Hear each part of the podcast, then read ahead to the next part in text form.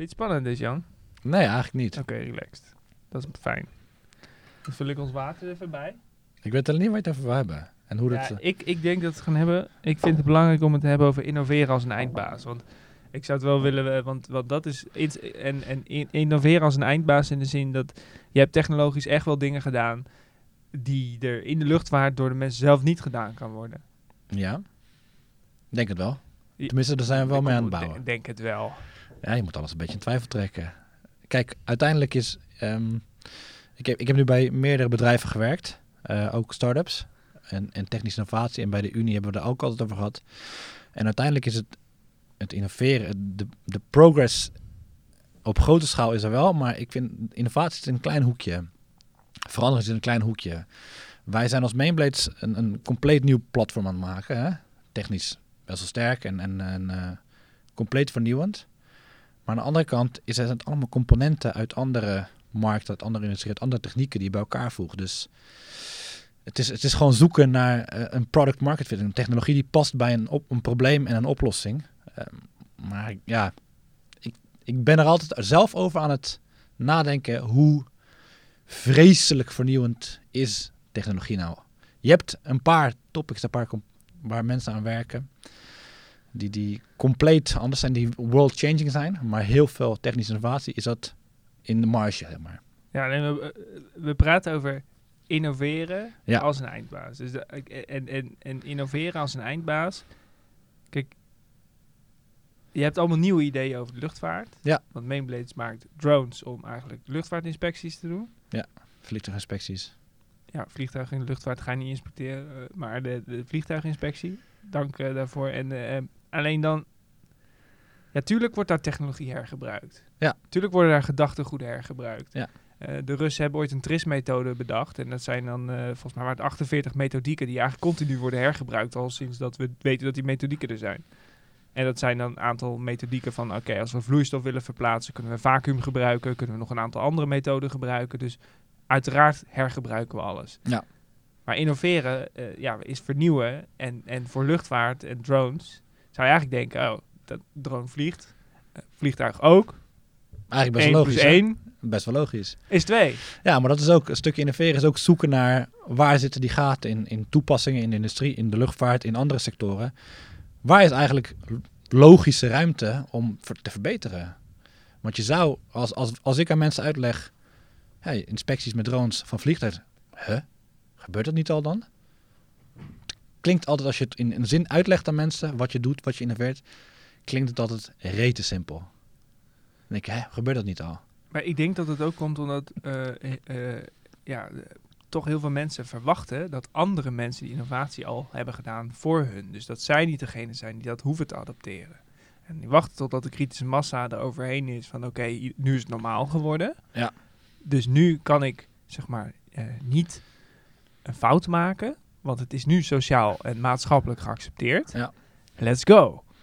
En daarvoor is het gewoon een ontzettend pittig traject. Ja, dat klopt. Dat klopt, dat denk ik wel. Er zijn maar... Dus je hebt de innovators die de innovatie naar de markt brengen. En je hebt dan de mensen die dat gaan gebruiken. De, eer- de eerste serie mensen die dat, die innovatie gaan omarmen. Dat is een heel beperkt groepje. De meeste mensen zijn afwachtend. Die wachten gewoon af. Is het bewezen? Loop ik geen risico's meer? Kan ik gewoon meteen profijt hebben? Benefits, verdiensten? En dan, dan ben ik opeens de coole gozer die het naar binnen brengt ergens. Maar ondertussen is het moeilijke werk al gedaan door de innovator. En, en de eerste serie aan early adopters, of hoe je ze ook wil noemen. Die, die dat eigenlijk echt pionieren. Hoe, hoe, is jouw strategie nu om dat te forceren? Hoe begin jij bijvoorbeeld je presentatie als je bij een klant bent? Eigenlijk, ik ben het over de tijd heel anders gaan doen. Ik ben altijd naar binnen gestormd in het begin en eh, schreeuwen over het probleem. Hè? Hoe geweldig groot is het probleem en bla bla. Nu is het veel menselijker. Nu weet ik dat, ehm, dat ik die mensen nodig heb in de industrie die de eerste stap durven te maken. Dat is een specifiek soort mensen. Daar kan je dus eerst een menselijk gesprek mee hebben. Gewoon, hey, hoe, hoe is jouw werk? Hoe is jouw omgeving? Hoe is jouw...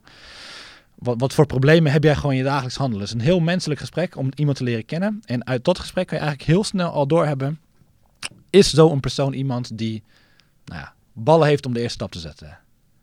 Daaruit kan je eigenlijk afleiden van dit is de moeite waard überhaupt om nu te hebben of niet. Hoeveel procent van de mensen die je spreekt heeft de ballen om dat te doen? Ja, dat is misschien dat percentage op één hand te tellen, zeg maar. Zou je er wat aan kunnen doen? Hoe bedoel je? Nou ja, ik, ik, ik als marketeer, ik zou dus die presentatie starten met een foto van auto's van vroeger. Hè? Ja. Want vroeger zeiden ze dat auto's de dood zouden zijn van de mensen. Dat was van de duivel. Iedereen ging dood.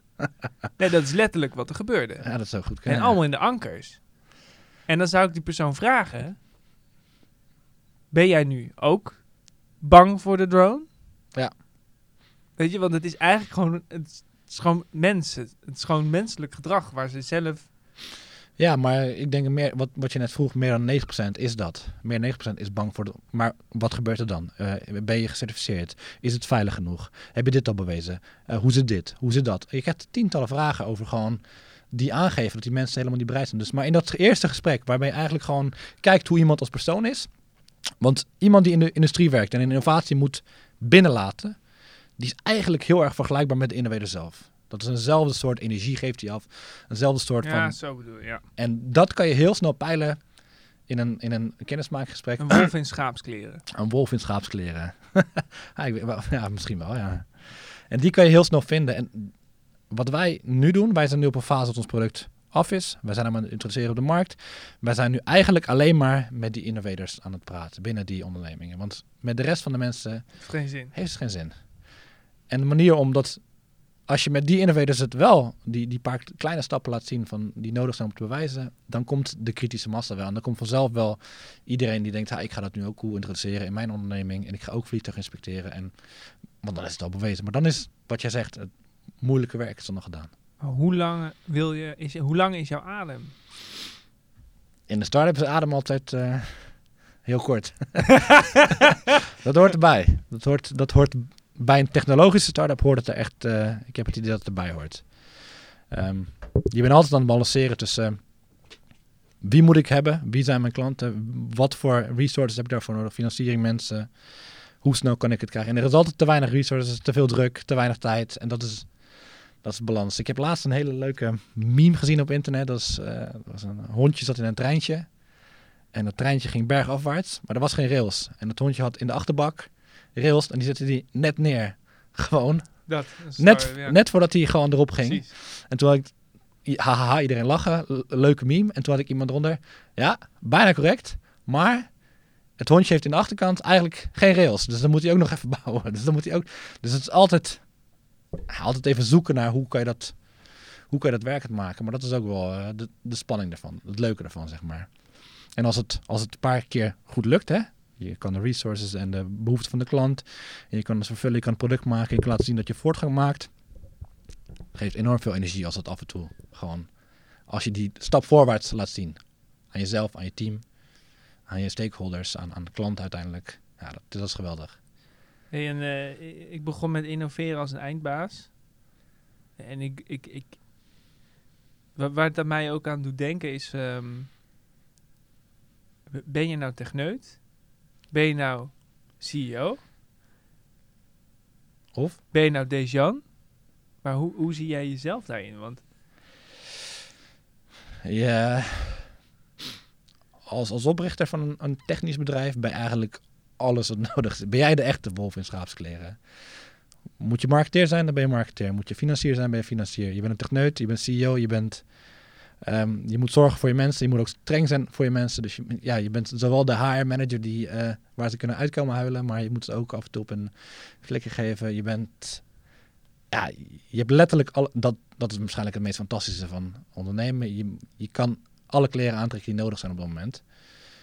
Soms kan het heel vermoeiend zijn, want je moet ook de dirty work doen. Dingen die niemand anders in het bedrijf wil doen en die gewoon echt saai zijn en, eh, en eigenlijk gewoon langdradig. Maar dan denk ik, ja, dit moet ook gewoon gebeuren, want dit is gewoon de volgende bottleneck. Ja, dat, dat denk ik denk zelf, in mijn, ik ben nu drie, vier jaar bezig hiermee, dat vind ik het eigenlijk het leukste. Dat je elke, elk moment kan je een andere rol vervullen. En over tijd, door die drie jaren, evolueert je rol. Inderdaad, je bent in het begin heel erg met techniek bezig. Ik heb nu al jaren geen code meer aangeraakt, maar daar hebben we een heel team voor die eraan werkt. Maar af en toe bemoei ik me daar ook dan weer mee. Of vraag ik me, hey, hoe zit dit? filosofie vlak van hoe zit dat in Ja. elkaar? Waarom heb je die keuzes gemaakt? Ja, en, en de engineers die bij ons werken, die, die lachen mij wel eens uit. Ah, je bent geen engineer. Maar ik, ik ben ook van nature een techneut, engineer. Dus lang geleden heb ik daar veel mee gedaan. Geleerd, ook, ook veel mee gedaan.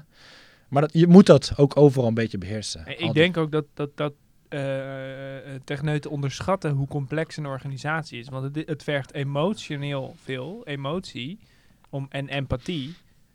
En tegelijkertijd ook, eh, want je, je, hebt, je hebt zeg maar, zij hebben één opdrachtgever. Ja. Dat ben jij.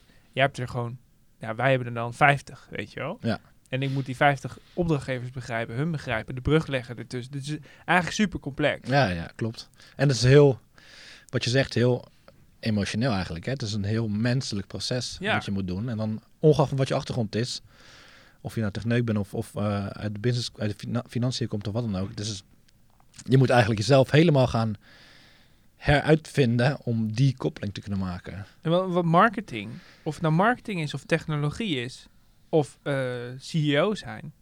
Uiteindelijk is de één lijn die hetzelfde is. En dat is, het gaat elke keer om het omgaan en dealen met andermans emoties. En eventueel manipuleren van die emoties. Want dat is wel wat het is. Want Ja. als, jij, als jij die innovators om wil krijgen, dan ga je ze dus proberen te manipuleren dat ze toch in die filosofie geloven. Ja, ja Dus klopt. het klinkt een beetje oneerbiedig. Want als we Nou, zeggen, ja, we worden gemanipuleerd, dan zegt iedereen, ik niet. Is wel zo. Maar maakt niet uit. Nee, maar manipuleren, dat is een, heeft een bepaalde connotatie. Hè? Heeft Ja, een bepaald gevoel precies. het, maar dat is, heel, dat is gewoon, ja, ik bedoel, eh, in, Instagram-influencers zijn ook aan het manipuleren. Ja. Eh, ik bedoel, het is allemaal, maar manipulatie is schijnbaar een slecht woord of zo. Ja, denk het is, niet, eh, maar het is we worden allemaal massaal gemanipuleerd, maar mag niet over gesproken worden. Ja, dat is een beetje onzin. ja, maar ja, de, maar, ja. Dat is gewoon heel normaal. Eh, als je met mensen praat, dan word je overtuigd van ideeën en dan, ja, dan ben je dus niet volgens mij in het negatieve beeld gemanipuleerd om iets te doen, maar je bent gewoon je eigen idee aan het verrijken door iemand anders ideeën en dat, dan ga je iets, iets, besluit je iets te doen. Maar dat, ja, dat noem je manipulatie dan, maar eigenlijk is het gewoon ontwikkeling, progress of, of van de eigen ideeën. ja, dus als, als je wil innoveren als een eindbaas, kom ik eigenlijk met jou tot de conclusie dat eigenlijk heel veel ook gaat over de emotie. Ja, misschien wel alleen maar. Dus dat is best eigenlijk een hele mooie ontdekking die we hier samen doen. Ja, dus het heeft, we hadden het inderdaad hier, eh, hier voor even over, van de technologie en, en maar eigenlijk komt het neer op hoe, hoe breng je dat aan de man? Hoe, hoe, kan je met iemand een raakvlak op emotioneel gebied vinden om, om, eh, om die innovatie tot stand te brengen, om de technieken te adopteren, om eigenlijk alles die organisatie te runnen. Het is allemaal inderdaad emotioneel. Toen ik jou ontmoette, toen zag ik een jonge hond. En dat is twee jaar geleden, denk ik, hè? Twee, drie jaar, denk Ja, ik. een jonge hond die gewoon dacht, fuck it, ik ga het gewoon doen. Ja. En nu zie ik eh, bijna een volwassen CEO die rust heeft en die, die... What happened? Ja, ja. ah, rust, rust weet ik niet. Het is nog altijd, eh, het is nog altijd, altijd zoeken en, en eh, soms voelt het paniekerig, maar eigenlijk als je er dan goed over nadenkt en, en het plan maakt voor de komende anderhalf jaar, dan zit er eigenlijk best wel wat gedachten goed achter. En je hebt een plan, hè? Je hebt, we gaan dit doen, dan gaan we dat doen, dan gaan we dat doen. Om de volgende stap te moeten doen, moeten we al deze. Dus je, er is altijd een goed plan. Maar om tot het plan te komen, wat heel gestructureerd lijkt, is er heel veel, lijkt af en toe heel veel chaos en onrust. Maar ik denk waarom ik nu inderdaad veel rustiger ben geworden in, in de zin van wat moet ik doen, is gewoon ervaring. Je hebt, er, je hebt er gezeten, je hebt met de markt gesproken, je hebt met mensen inderdaad gejaagd als een bezeten. Ja, we gaan het nu doen, fuck it. Schreeuwt van de daken, eh, ren alle deuren plat, kom naar. En dan kom je erachter van, oké, maar je moet het op een bepaalde manier doen. Je moet een bepaald type mensen zoeken die eh, een nieuw product in de markt willen brengen, durven te brengen.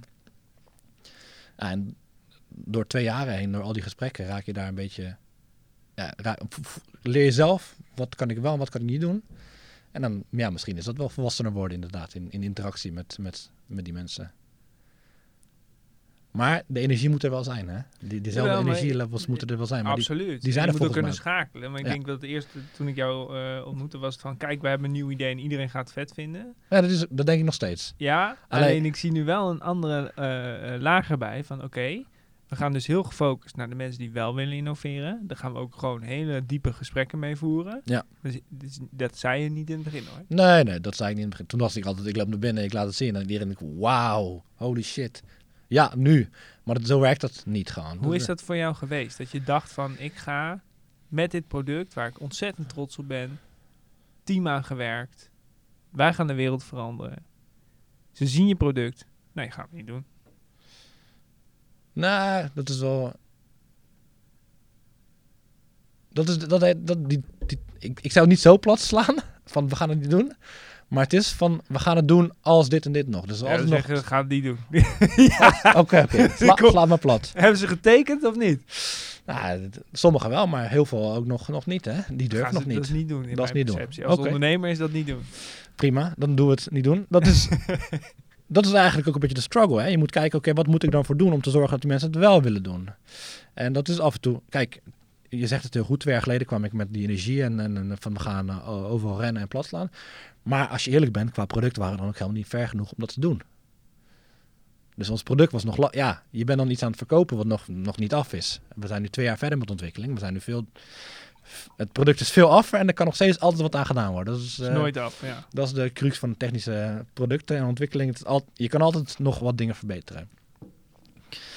Ehm, dus dat is ook weer een hele goede reflectie van oké, dit, dit is nog niet ver genoeg voor de markt. Dus dat, dat, ja, ik, zie het niet eens als een tegenslag. Het is, soms voelt het wel als een eeuwlange van oké, wanneer gaat het dan wel komen? Hè? Maar ergens is het ook precies eh, richting feedback vanuit de markt van dit moet je nog doen. In het begin ben je namelijk als start-up eigenlijk wel met jezelf bezig. Je eigen ideeën uitwerken, je eigen Ja, team aansturen, alles bouwen en dan denk je yes, we zijn En een klaar soort voor. eh, bijna narcistische samenleving creëren waarbij iedereen denkt wij zijn geweldig en de rest Precies. van de wereld niet. en dan ga je eruit. Herken je dat ook? Ja hoor, ja, oké. Ieder- iedereen is dom. Eh, Ik weet Niemand niet of snapt we wat deze van. podcast moeten publiceren. Hoor. Nee, verder. Ik heb met meerdere eh, eh, ondernemingen gezien, maar inderdaad, eh, hier binnen de muren van ons kantoor weten wij alles. Ja, maar rest En- is gek. Alle, jezus. Ja, maar dat is heel grappig. Dan ga je eruit. Ja. Tuk, tuk, tuk. Krijg je een paar tikken. denk je, wat? Wat? Ja. Ga je kalibreren, ga je bijsturen. En dat kan je als een tegenslag zien. Hè, van ze tekenen het niet nu en ze willen het niet nu gebruiken. Maar je krijgt wel, op dat moment krijg je de feedback. Dit moet je nog doen. Op dat moment krijg je eigenlijk de input van oké, je bent wel op de goede pad. Want ze zijn wel geïnteresseerd. Anders zeggen ze ja, nee, pleur op joh met je idee. Dit wordt helemaal niks ooit. Eh, maar dat is niet zo. Ze zeggen oh ja, dit eh, is wel, dit belooft wat. Maar je moet nog wat dingen doen. Je moet nog wat eh, aanpassingen maken. Je moet nog wat bewijsjes doen. Je moet, hey, dit, is, dit, doe je, dit deel doe je helemaal verkeerd. Dit moet je zo doen. En dat, dat, als je dat niet leert inzien, dat je stuurmomenten zijn voor je bedrijf, dan ben je verloren. Maar ik denk dat altijd sales de, de drijver is van innovatie. En, en ik denk het grote probleem ook is dat als je in de sales niet techneut hebt zitten, dan zien ze ook niet welke problemen daar spelen, zeg maar. Waar zit die klant nou mee? Dus als jij, stel jij neemt gewoon heel plat, en ik wil niet een verkoper stereotyperen, maar je neemt gewoon een salespersoon aan en je zegt, die doet de sales voor mij als eigenaar. Je stuurt die op pad naar al je klanten. Hoeveel feeling hou je dan met de daadwerkelijke problemen die er zijn daar en de bezwaren die er zijn in de sales? Ik, kan dat niet hoor. Als ik een rapportje krijg van de sales, nou, dit zijn de zes bezwaren alsjeblieft. Nee, dat is echt, dat is, dat is grappig dat je het aanhaalt. Want als je inderdaad een salespersoon en een techneut naar eenzelfde demos, productdemonstratie stuurt. En je laat ze het product zien aan de klant en de klant heeft feedback. Kom je terug met twee compleet verschillende Dat. analyses. Dat is echt fantastisch om te zien. Ja, Dan zegt die, ik heb dit en dit en dit gehoord. En dan zegt die ander, ik heb dit en dit en dit gehoord. ja, ze hadden niet genoeg geld. En dan denk ik, hè? Maar jullie hebben hetzelfde gesprek toch gehoord? Of, eh? Maar dat, dat- dat. zijn twee andere werelden. En je hebt allebei die dingen nodig. Allebei die inputs heb je nodig. Anders kom je nergens. Anders ga je iets optimaliseren technisch. En dan, dan hou je de business kant ervan niet in aspect. Of je gaat iets voor sales optimaliseren. Dus verkoop om uiteindelijk de business te kunnen groeien. Maar dan kom je erachter dat het product gewoon niet doet wat hij moet doen. Ja, en, en daarom begrijp ik ook niet dat mensen niet houden van sales. Want als je sales niet als sales ziet, maar je gaat gewoon lekker kijken wat er echt gebeurt daar en wat de problemen zijn. En, en dan is dat hartstikke gaaf. Want je Ja. komt even in een andere keuken, je ziet daar hoe die processen lopen, hoe mensen het met elkaar doen, hoe werkt het nou in dat bedrijf. Ja, En, en het haalt je ook weg van die narcistische berg uit je eigen Ja, bedrijf ja, van hier klopt. zijn we geweldig. maar het vergt wel enorm veel energie om dat te doen. Om dat te blijven doen en te, te filteren wat eruit komt. Als ze dood zijn, kunnen we gewoon heel lang Heel lang rustig. Dus dat komt wel goed. eh, Maar aan de andere kant, ehm, het, het kost veel energie. Maar je, je moet ook de tijd en de ruimte hebben als, noem het nu salespersoon, om dat goed te inventariseren. Of ja, je bent eigenlijk niet eens een salespersoon. Je bent eigenlijk, Nee, we gaan even het terug dus. naar dat, idee. Je bent eigenlijk gewoon een menselijke connectie aan het maken met Ja, die, met die mensen. En kijken wat, wat, het- wat er mis is. Waar, we mee, waar ik mee begon met, wie verkoop je eigenlijk? Hoe begin je verkooppitch? Eigenlijk door die mensen te leren kennen. Weten wie ze zijn. Weten Hey, hij wil wel innoveren, maar hij mag niet innoveren van zijn baas. Of, of weet ik veel wat het, wat het probleem is. Dat doe je als salespersoon eigenlijk ook. Alleen omdat we dus in een salesjasje groeien. Hey, sales heeft targets, targets moeten gehaald worden. Eh, Je moet het, ja, anders kan je zelf niet betalen, kan je door niet, ah, Ja. bla bla bla bla. En dan druipt het af, zeg maar. Maar ik zei, je- je- jij benadert sales als een techneut, als ik je hoor. En, en dat vind ik dus mooi. Omdat je dan eigenlijk ontleedt wat er echt is. En zegt, ja. Ja. ik ga gewoon praten over de problemen. Want dan weet ik welke processen er aan de gang zijn. weet ik welke, welke knopjes ik zou kunnen draaien. Wat Dat- kan ik doen überhaupt? Ja, Dat vind ik een mooie je. filosofie hoor. ik denk dat heel veel ondernemers er helemaal niet zo over na hebben gedacht. Ik, ja, ik weet het niet. Ik, ik weet het niet hoor. Technisch, ja, misschien niet. En dat komt door de stereotypes die er zijn in de wereld. Je kan iets ontwikkelen en je kan het verkopen. En dat zijn twee andere rollen. Maar ik ben het wel met je eens dat je daar... In ieder geval in de early days van een techno-startup... eh, is het eigenlijk maar één soort rol. Ja, en ik denk ook de, de benadering van verkopen, iets verkopen, is wat anders dan zorgen dat iemand wil kopen. Oh ja, dat heb ik laatst van iemand gehoord. Dat Oh, is- dat, dat bedenk ik net. Maar dat, dat, dat klopt. En dat is denk ik... eh, dat is eigenlijk de, de crux. Eh, Dat vat het goed samen. Want dat, als je inderdaad als salesman ergens op uitgaat... en je gaat proberen te verkopen... dan ben je alleen maar bezig met hè, eh, analyseren hoe je die targets haalt... hoe je dat, dat ding daar kan krijgen. Maar dat moet je niet willen. Je moet eigenlijk ontleden wat wil diegene. Ja, en, en dan vind ik dan eh, aan de ene kant komt daar dus marketing hand in hand met innovatie. Ja. Tenminste, eh, Elon Musk strijkt heel veel credits voor op. Tenminste, vanuit de maatschappij ook. Alleen de vraag is of dat zo is. Alleen, eh, want heel veel mensen zeggen, ja, hij is de oprichter van Tesla. Dat is niet dat zo. is niet. dat is Nee. niet zo. Hij heeft Tesla gekocht. En Ja, precies. wel groot, fantastisch Ja, groot gemaakt. tuurlijk, maar ja. Maar dat, dat is dus hoe de, hoe de markt er mee aan de haal gaat. Ehm, maar, nou ben ik hem kwijt. de Elon Musk, de marketing innovatie. Ja, dus, dus eh, als je kijkt naar de marketing die zij plegen... en als je kijkt, zeg maar... Ja, nu heb ik hem. Als de positionering van Tesla... en dat mensen dat willen kopen... en de bezwaren die er zijn Ja. in de markt... die hebben ze wel fantastisch omgezet naar een push-strategie... waarvan we gaan zeggen... we gaan eerst die auto sexy maken. We gaan niet eerst... eh, alle bezwaren overtuigen. Nee. We zetten gewoon een sexy auto neer. We, maken, we gaan gewoon compleet contra die markt in. Volledig tegen draad. Zetten wij gewoon een super vette Dus auto wel dat- neer. e- die een eigenlijk- sportauto. Eigenlijk wel dat narcissistische gedeelte van... wij weten het beter. Wij gaan het eerst... Ja, maar dat, Nee, maar het is niet intern. Het is extern.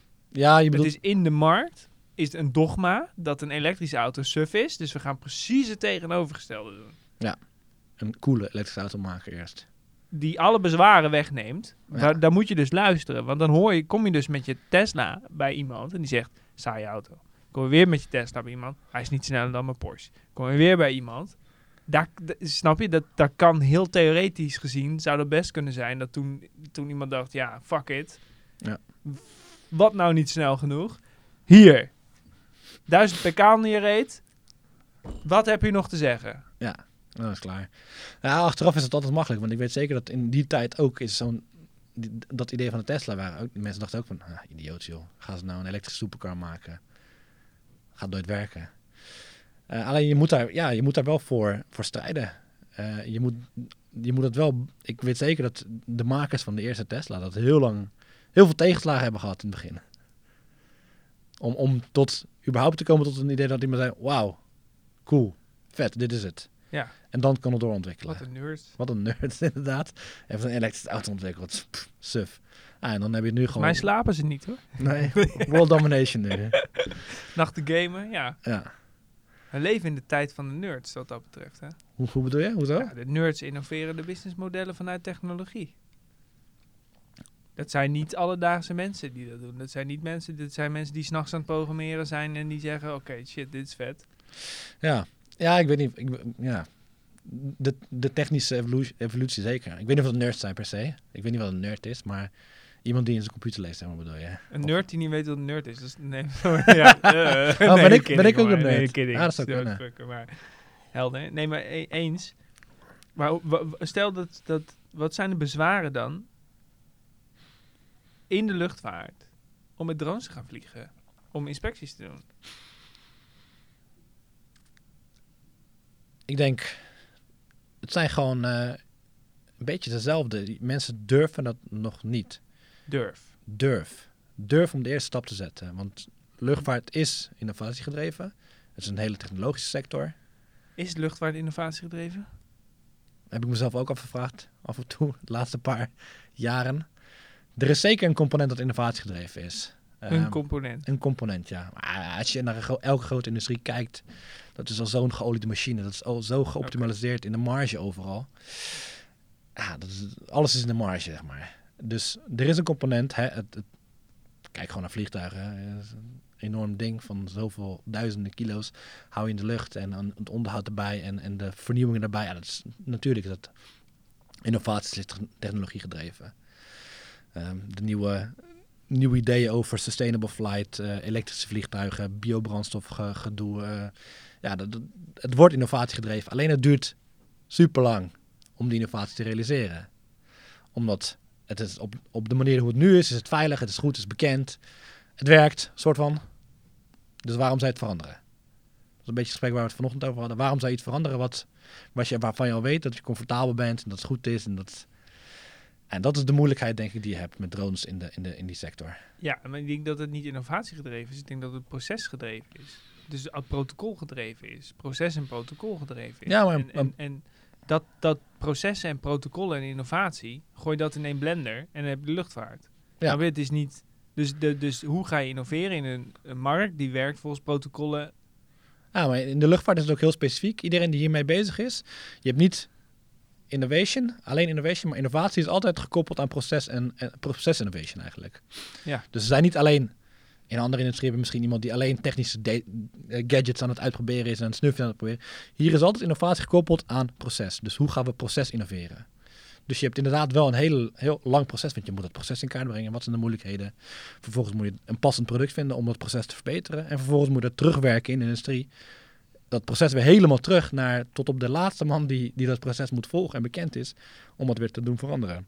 En daarom is het zo'n best wel lang traject. En daarom kun je ook niet zeggen, hier is je drone, gebruik hem nu, succes. succes, ermee en eh, je bent gereguleerd. Nee, precies. Je moet het helemaal inmasseren. Je moet zorgen dat die mensen dat willen accepteren via die procesinnovaties, via de hele, eh, de hele rit aan, aan dingen die zij wel kennen en eh, protocols die zij wel willen respecteren. En, en dat, duurt, dat kost tijd. Dat is denk ik de grootste bottleneck, omdat, om die... Want het is een gedachtegoed. Het is een complete change van gedachtegoed. Hè? Ik loop niet meer langs mijn vliegtuig. Ik ga hem niet meer aanraken en voelen en, en blazen en kijken. Nee, ik laat een drone vliegen in een tiende van de tijd. En dan heb ik mijn eerste assessment. En dan moeten mensen vertrouwen dat die eerste assessment goed genoeg is voor wat zij zouden doen in hun eerste assessment. Dus vertrouwen in technologie, vertrouwen in wat, wat, wat, wat techniek kan doen. Om mijn proces eigenlijk veel makkelijker te maken. Je zelfs met drone-inspecties ga je altijd monteurs houden die nog steeds naar het vliegtuig gaan en dat ding gaan aanraken en dingetjes gaan opmeten. Dat, dat blijft allemaal, dat is prima. Maar een eerste assessment kan je met een drone veel sneller doen. Maar mensen vertrouwen de technologie nog niet. Maar dat komt wel. Ik bedoel, wat je zelf zegt, eh auto was 100 jaar geleden ook eh, een enorme bottleneck. Mensen vertrouwen op geen meter. Nou, ga nu maar zonder auto ergens heen. Kan wel. Trein, vliegtuig. Vliegtuig. Ja, het, raakt echt iets in mij, dat de, de rebel denk ik in mij, dat ik denk, ja, ik heb zo'n zin om die mensen gewoon even, eh, gewoon met het, eh, om, om ze op het andere been te, ja Vast precies. te pakken en los, Ja, dus los te dat je- schudden. Dat je zo'n eh, salesgesprek dus opent, voor mijn gevoel, met dan zo'n auto. En dan, nou, dit is hoe mensen 100 jaar geleden dachten. Ik weet niet of je dat filmpje wel eens hebt gezien van de telefoons. Over mobiele telefoons. Nee, dat hoeft niet in mijn dagelijks leven. Nou, dat wordt nooit wat. Nee, hoezo? Ik heb toch gewoon een telefoon zelf. Ik wil toch niet gebeld worden de hele tijd? Nee, en nu zit, de- zit, zit de minister zit, eh, gewoon in, eh, in, eh, in een debat zit hij gewoon op zijn telefoon ook zitten kijken. We zijn we helemaal gek geworden hier, man. Dat zou ik moeten doen. even functie. Oh, zal deze podcast even zo de hele tijd zo zitten, weet je wel. Even ik denk, nou, ben ik geïnteresseerd in eh, deze Jan. Dus dat is, als je die revoluties inzichtelijk maakt, Ja. ja, dan, dan vind ik dat wel. eh, dat, Maar dat kost tijd ook, hè? Ik bedoel, de, de eerste telefoon was er wanneer? Jaren 90? ja. 30 jaar geleden? Dat je zo'n Ja, precies. eruit moest trekken, dus- klep open en dan... doet, Ja. doet, doet. Ja, maar dus daar ligt dus ook jouw vertrouwen. Van er, eh, je betwi- betwijfelt niet of er een adoptie is van de, van de technologie. De vraag is alleen wanneer. Ja, hoe, lang, hoe, hoe kan je het proces zo efficiënt inrichten om dat zo snel mogelijk te doen? Ja, en hoeveel cash ben ik kwijt Ja. voordat het kantelpunt is bereikt? Veel. Drie keer zoveel zeggen ze altijd, hè? Drie keer zoveel voor het kantelpunt. Nee, gewoon je maakt een plan, je voert het uit en dan eh, de bottom line is dat het duurt drie keer langer en het kost eh, drie keer zoveel cash. Ja, eh, ja, en verdient het dan ook drie keer zo snel terug? Dat, als, je, als dat niet lukt, dan, eh, dan heb je een probleem. Zeg maar. Nou, uiteindelijk moet het wel eh, de potentie moeten zijn. En voor drone inspecties is dat, is dat er zeker. Want de, de uren die je kan besparen, de, de kosten die je kan besparen, dat, dat verdient, gaat zichzelf echt wel terugverdienen. Ehm, als je één inspectie per week doet met een drone, dan, dan kan je al break-even draaien. Er gebeuren meer inspecties dan dat eh, met de huidige vloot. Zelfs met de huidige gereduceerde vloot kan je dat makkelijk terugverdienen. Alleen ja, die curve die moet een keertje eh, omhoog. Ik, ik heb meerdere mensen ontmoet bij Mainblades. En eh, ik moet wel zeggen dat eh, als ik iemand vind eh, binnen jullie organisatie die innoveren als een eindbaas mogelijk maakt, dan ben jij het wel. Omdat je als mens bent veranderd, hoe, je met de- hoe je met dit soort dingen omgaat, hoe je als persoon bent ontwikkeld in de, in de rust die je uitstraalt en hoe je filosofieën zijn ontwikkeld. Ja, ik, ik heb wel enorm respect voor, voor wat je hebt gedaan als mens en hoe je hier nu zit. Dat, dat, je bent echt een inspiratiebron voor mij dat ik denk, ja, vet. Dankjewel, dankjewel. Ja. Ja. het is een, een leuke reis die je meemaakt, zeg maar, door, door zo'n onderneming te starten, te leiden. En, en je moet continu veranderen en ontwikkelen. Nou, als, als ik nu nog steeds dezelfde eh, rusteloze hond was als drie jaar geleden, dan, eh, ja, dan, dan ben, je, ben je niks aan het doen, zeg maar. Waar ben jij het meest trots op? Oef, ge- geen idee. Misschien wel eigenlijk op, want wat ik dan, wat jij net zegt, dat ik reflecteer als rust en als groei van de onderneming, dat ben ik niet alleen. We hebben als team, we hebben nu best wel een consistent team, al lang. En ik zie dat ook in het team is, is een bepaalde rust gekomen, of tenminste, mensen zijn gegroeid. Mensen weten veel beter wat hun rol is en eigenlijk. En, en, en wat ze moeten doen en wat niet. En er zijn altijd dingen waar je kan verbeteren. Ons team moet nog groeien. We zijn vooral een technisch team nog steeds. We willen wat meer aan de sales- en marketingkant gaan groeien. We willen wat meer aan de operationele kant gaan groeien. Dat, gaat nu ook gebeuren. Nu met klanten intensief samenwerken. Maar eigenlijk zie je gedurende de tijd dat, dat, dat mensen ontwikkelen in die rol. En ze weten wat verwacht van ze wordt. Ze weten, en dat is heel belangrijk in een, bijvoorbeeld een organisatie zoals wij hebben. Die groei die ik en, en mijn compagnons hebben meegemaakt. Hè, qua wat moeten we doen voor de markt. Dat moet je ook wel heel goed overdragen aan je team. Eh, en dat doen wij, tenminste daar heb ik feedback over gekregen van externe en intern, dat doen we redelijk goed. En dat is best wel belangrijk om te doen. Want ik heb ook over bedrijven, technische start-ups, non-technische start-ups, waarbij het, het, leiderschap gewoon eigenlijk hun eigen plannen maakt en, en de rest van het team doet maar uitvoeren. En dat, dat kan bijna niet. Of dat kan wel als je enorm veel geld verdient of zo, of het is allemaal heel makkelijk om te doen om te verkopen. Maar anders moet je gewoon je hele team moet je compleet meenemen in die reis. Eh, want dat, voor hun is het, wat jij net zei, zij hebben één opdrachtgever, dat ben jij. Maar ze moeten eigenlijk, hoe meer van die externe effecten van buiten de markt ze kunnen meekrijgen, hoe beter voor hun om ook te begrijpen wat voor enorme impact hun werk kan hebben. En, dat stukje, dat vertalen, dat, daar doen wij steeds vaker, steeds meer aan om, om, ze mee te krijgen. Dat is volgens mij de beste motivator. Ik merk het ook af en toe, dat ik, dat ik wel volledig in paniek ben over een bepaalde situatie. En dat een van die jongens zegt, ja, maar ik, jullie doen het wel goed. Ik denk dat jullie dat goed... Jullie stralen rust uit. Terwijl in mijn hoofd ontploft het op die dag. Helemaal uit elkaar aan het spatten. En zegt, nee, ja, ik heb er wel vertrouwen in. Want jullie stralen dit en dit uit. Denk ik, oh god. Mooi, dat brengt dan weer de rest terug in mijn hoofd. Mooi. Dat is denk ik het beste. Ja, ik, eh, ik denk dat we kunnen concluderen dat, eh, tenminste, dat zou ik mooi vinden als we dat samen kunnen concluderen, dat innoveren als een eindbasis is luisteren naar je klanten. Ja, en, eh, En dan de bezwaren wegnemen en dat ontwikkelen en verder innoveren. En dat is dan innoveren als een eindbaas. eigenlijk, lu- ik zou het breder trekken luisteren naar mensen. Want dan moet je ook Ja, in je eigen Ook team... in je organisatie. Ja, eigenlijk alleen maar met je mensen bezig Dus- zijn. Wij, wij doen dan samen een statement. Innoveren als een eindbaas is luisteren naar mensen. Ja, daar komt het wel op neer. Ik vond het een hele, hele bijzondere podcast. Dankjewel, Dejan. Dankjewel Nico. Peace.